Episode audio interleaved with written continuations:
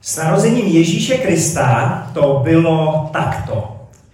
Kdyby vás zajímalo, jak to bylo s prvními Vánocemi, tak se to událo takhle, píše evangelista Matouš. A hned na začátku nás Matouš informuje, že věří tomu, že Ježíš je ten dlouho očekávaný mesiáš. To znamená to slovo Kristus. Kristus totiž není Ježíšovo příjmení, jak si někteří lidé myslí, je to královský titul.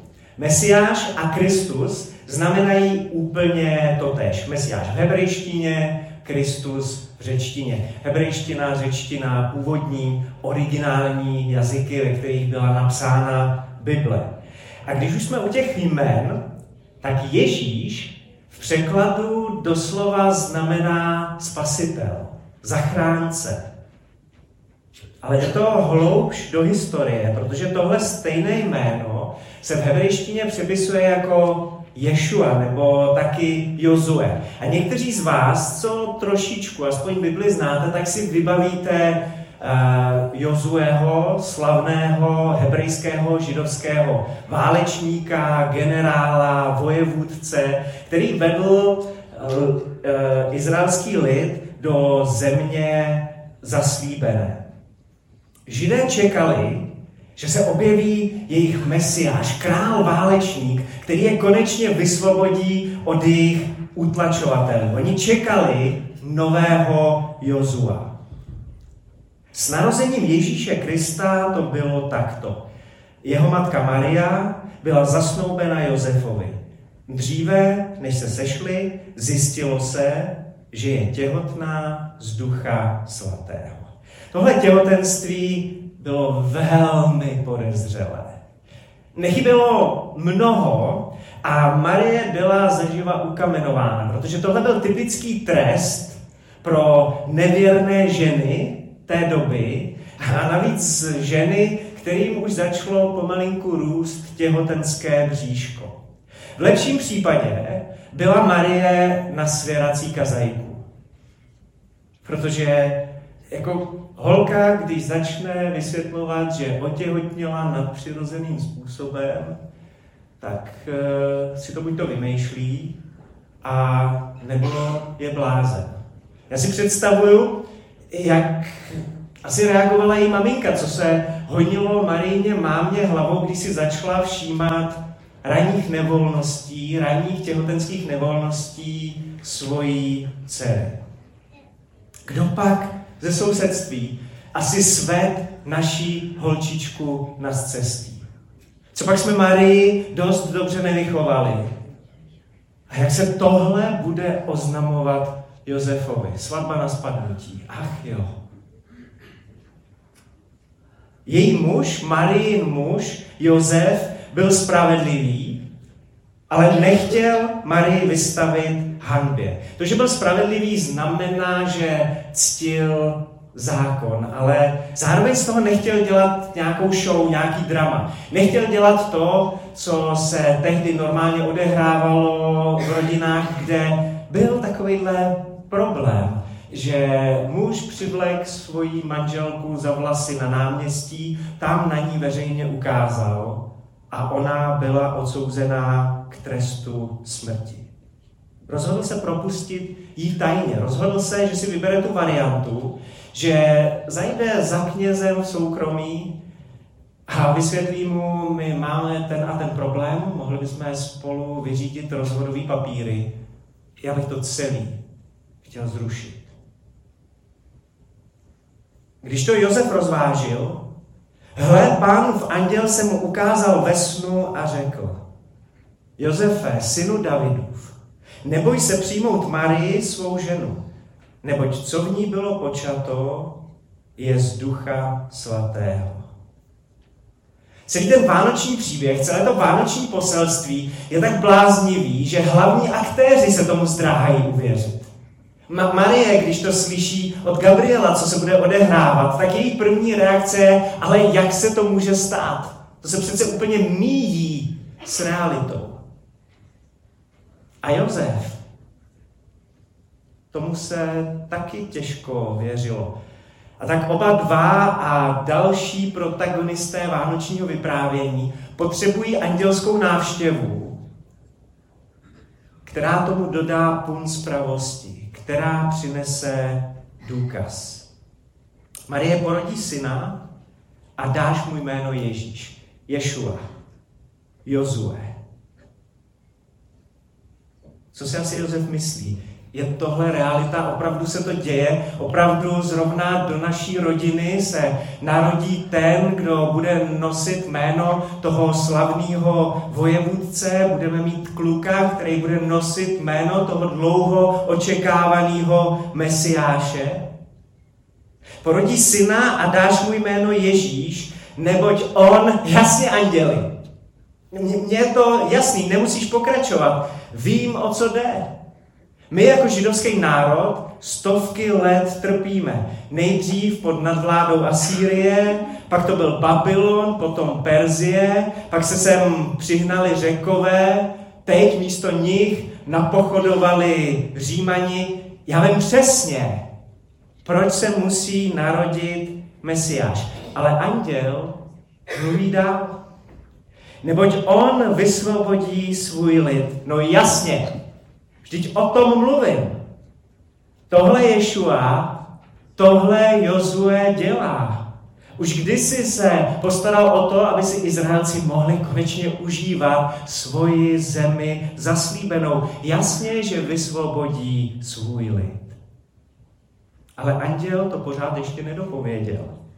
On zachrání svůj lid od jejich, já vím, já vím, od jejich utlačovatelů, od, od všech těch nájezdníků. Tyhle pří, příběhy si vyprávíme už od mých dětských let.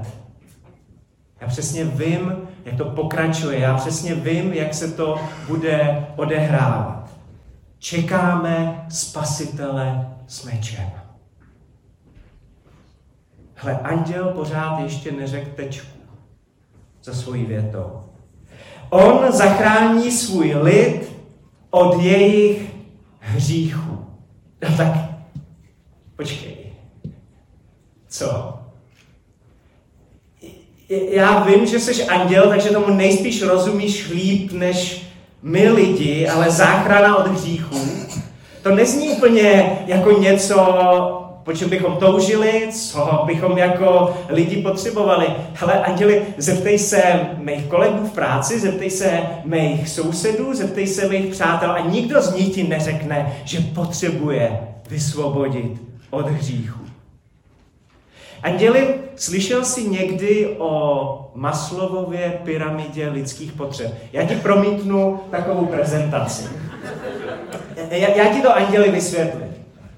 Dole v základně té pyramidy jsou tělesné a fyziologické potřeby. Lidi potřebují jíst, lidi se potřebují dobře vyspat. Takže jestli teď potřebujeme od něčeho zachránit, tak jsou to vysoké ceny potravin. Lidi potřebují k životu dostatek tepla, takže jestli potřebujeme od něčeho zachránit, tak eh, kdyby to anděli zařídili, je zastropování energií. A to další potřeba bezpečí a jistoty. O tom si s tebou celou dobu vyprávím, anděli. My potřebujeme vysvobodit od Římanů, od našich nepřátel a tak dále a tak dále. Anděli, vidíš někde na Maslovově pyramidě lidských potřeb hřích? Že je potřebujeme vysvobodit od hříchu. Navíc my lidi máme sofistikovaný systém. Neustále tuníme to, jak se vysvobodit od našich hříchů. V rámci historie jsme vymysleli třeba to, že když uděláme jeden špatný skutek a potom tam hodíme dva dobrý, tak by se to mohlo nějak anulovat. To by se vám v nebi mohlo líbit. Anděli, já ti řeknu, kdo potřebuje zachránit od hříchu. Já ti řeknu, kdo dělá špatné věci. Naši nepřátelé. Ty, kdo nám ubližují. V našem případě jsou to římaní. Ty potřebují vysvobození od hříchů. My potřebujeme vysvobodit od nepřátel. My potřebujeme vysvobodit od římanů. My potřebujeme spasitele s mečem.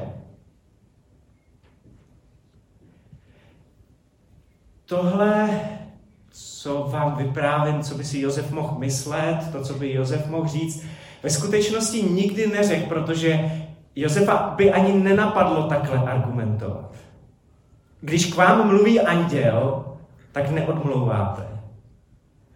Když k vám Bůh chce něco říct, tak nekoktá, nedrží se nějak stydlivě zpátky, ale řekne to jasně.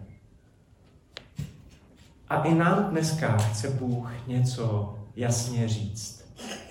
Skrze svoje slovo, skrze vánoční příběh. Když se Josef probudil, když Josef procitnul ze spánku, učinil, jak mu nařídil pánův anděl a přijal svou ženu. Ale nepoznali, dokud neporodila svého prvorozeného syna. A dal mu jméno Ježíš. Akce. Protože Josef uvěřil Bohu a tak do svého života pustil Ježíše, zachránce, spasitele, toho, který přijde zachránit od našich hříchů. Toho Josef pouští do svého života. A je to trošku paradox. My jsme to tady zpívali dneska na téhle vánoční bohoslužbě v té první písni. Kristus se zrodil, nás osvobodil. Tohle zní teď ve všech obchodních centrech a my do toho zahodíme k pokladnám s nákupními vozíky. Někteří z nás se začali modlit k parkovacím andělům, abychom sehnali místo blíž ke vchodu do obchodáku. Jsme nervózní, jestli stihneme koupit dárky na poslední chvíli a do toho hmm,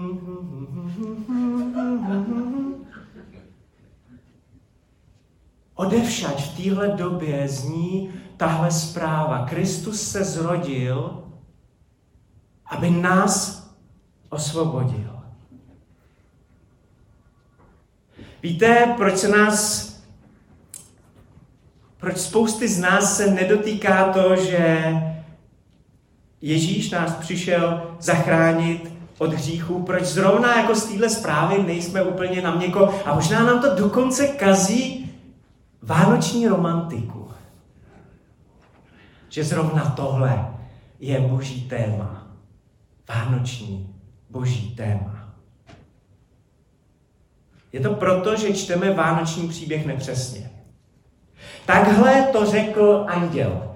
A dáš mu jméno Ježíš, neboť on zachrání svůj lid od jejich hříchů. Ale my tam slyšíme, a dáš mu jméno Ježíš, neboť on odpustí lidem jejich hříchy. Když si nedáme pozor, tak redukujeme Vánoce na odpuštění. Redukujeme Vánoce na odpuštění. A tak se nám víra v Boha může smrsknout na pouhý nikdo není dokonalej, ale Bůh odpouští.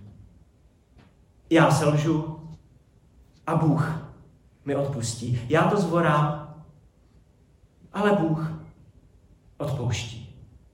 Přitom Bůh nabízí mnohem víc a to je poselství Vánoc. Ježíš přišel, aby nás zachránil z moci hříchu. Později v rámci svojí služby Ježíš o sobě prohlásí. Já jsem přišel proto, první Vánoce byly proto, aby měli život abyste měli život, život v plnosti. To zní přece mnohem víc než jenom odpuštění.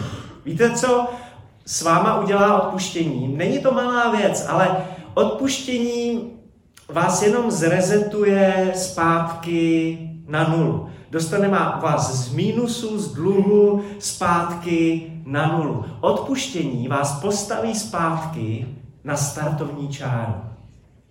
Ale Ježíš přišel proto, aby vás z mínusu dostal do plusu. Později to apoštol Pavel, velikán naší civilizace, komentuje následovně. On to napsal dokonce ve svém dopise do Říma v 6. kapitole Římanům 6.12. Nechť tedy hřích neovládá vaše smrtelné tělo, tak, abyste poslouchali, čeho se mu zachce. To vypadá, že máme na výběr. Že díky prvním Vánocům a díky Ježíši konečně můžeme mít na výběr, protože je tu zachránce, který vysvobozuje z moci hříchu. Nepropůjčujte hříchu své tělo za nástroj nepravosti, ale jako ti, kteří byli vyvedeni ze smrti do života, propůjčujte sami sebe a své tělo Bohu za nástroj spravedlnosti. Ze smrti do života. Ježíš přišel proto, abychom měli život. Život v plnosti. Hřích nad vámi už nebude panovat.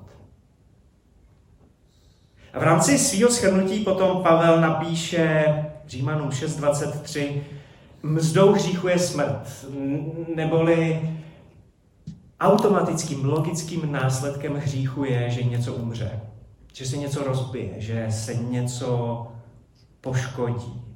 A s tím máme zkušenost úplně všichni. Je úplně jedno, čemu věříte, tohle jsme si vyzkoušeli ve svém životě, úplně všichni bez rozdílu. A tak, když se podíváme zpátky na tu Maslovovu pyramidu potřeb, tak tam je vidět, že hřích přináší smrt, hřích zabíjí. Hřích vždycky něco poničí. Spánek nebo chuť k jídlu. Řekněte mi, kdo jste ještě v životě nezažili to, že když jste udělali něco hodně špatně, nebo někdo ublížil vám, tak vám to ukradlo spánek. Nebo se vám udělalo tak zlé, že vám to sebralo chuť k jídlu. Hřích ničí, hřích zabíjí. Bezpečí. Ani jedna válka v dějinách nevznikla z nějakého pozitivního, humanistického nebo bohulibého motivu. Za každou válkou, za každým válečným konfliktem je něčí sobectví, a.k.a. hřích. Láska. Manželství. Kolik lidí nesnáší Vánoce proto, že jim Vánoce připomínají jak se jim věci v životě, ve vztazích pokazily, jak jim nefungují vztahy s jejich vlastníma dětma a že jsou o Vánocích sami. Hřích ničí, hřích zabíjí. Uznání, seberealizace. Kolik lidí, když se podívá do zrcadla, tak nemá rádo to, co vidí.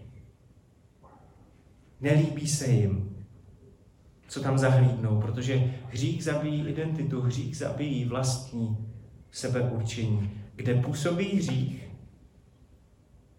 tak vždycky něco umírá. Z pyramidy lidských potřeb jednoznačně vyplývá, že potřebujeme přesně toho spasitele, který o Vánocích přišel. A tak nemiňte poselství Vánoc. Narodil se Ježíš, král válečník, který vyrazil na válečnou záchranou misi, aby nás všechny vysvobodil ze zajetí, ze zajetí hříchu, aby nikdo z nás už nebyl rukojmí. A i tady funguje ten syndrom, že ne všem se z toho zajetí chce pryč. Mzdou hříchu, následkem hříchu vždycky něco umírá. Ale darem jsou Vánoce, takže je tu dar.